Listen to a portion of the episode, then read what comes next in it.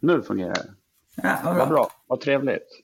Ja. Eh, Hej, har du haft det bra sen vi hörde senast? Absolut, absolut. Ja.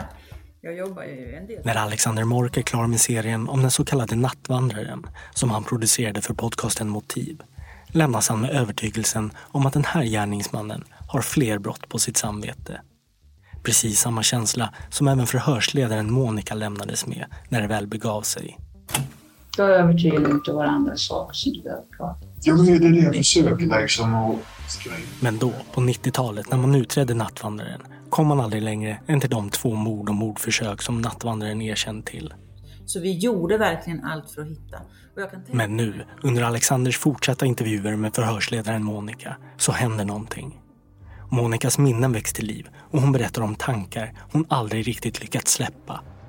Men det här som, detta som vi pratar om nu, det finns inte offentligt någonstans för det är bara mina egna, som du säger, sjuka tankar. Plötsligt öppnas dörren upp till ett helt annat fall och Alexander kastas rakt in i sitt livs största mysterium.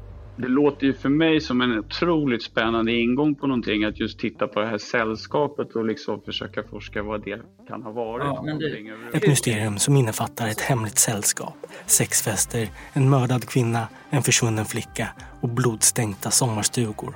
Var det en vinterbonad eh, sommarstuga eller liksom skulle man kunna ha hållit någon där eh, fånge eller liksom, utan att någon skulle märka någonting? Den låg liksom östligt den här stugan va. Så det var ju inga grannar in på den så att säga va. Nej det var det inte. Vad är det egentligen som Alexander råkat snubbla över? Och vad är kopplingen till nattvandraren? Så rent teoretiskt så skulle jag kunna frysa ner blod, placera ut det någonstans och så att säga sätta dit någon annan för det egentligen eftersom jag har...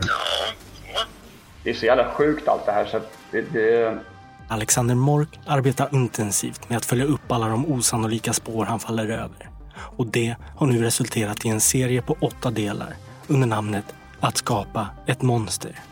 Du inledde med att säga så här att eh, när jag ska berätta nu den största skandalen eh, i svensk rättshistoria, i varje fall i modern tid.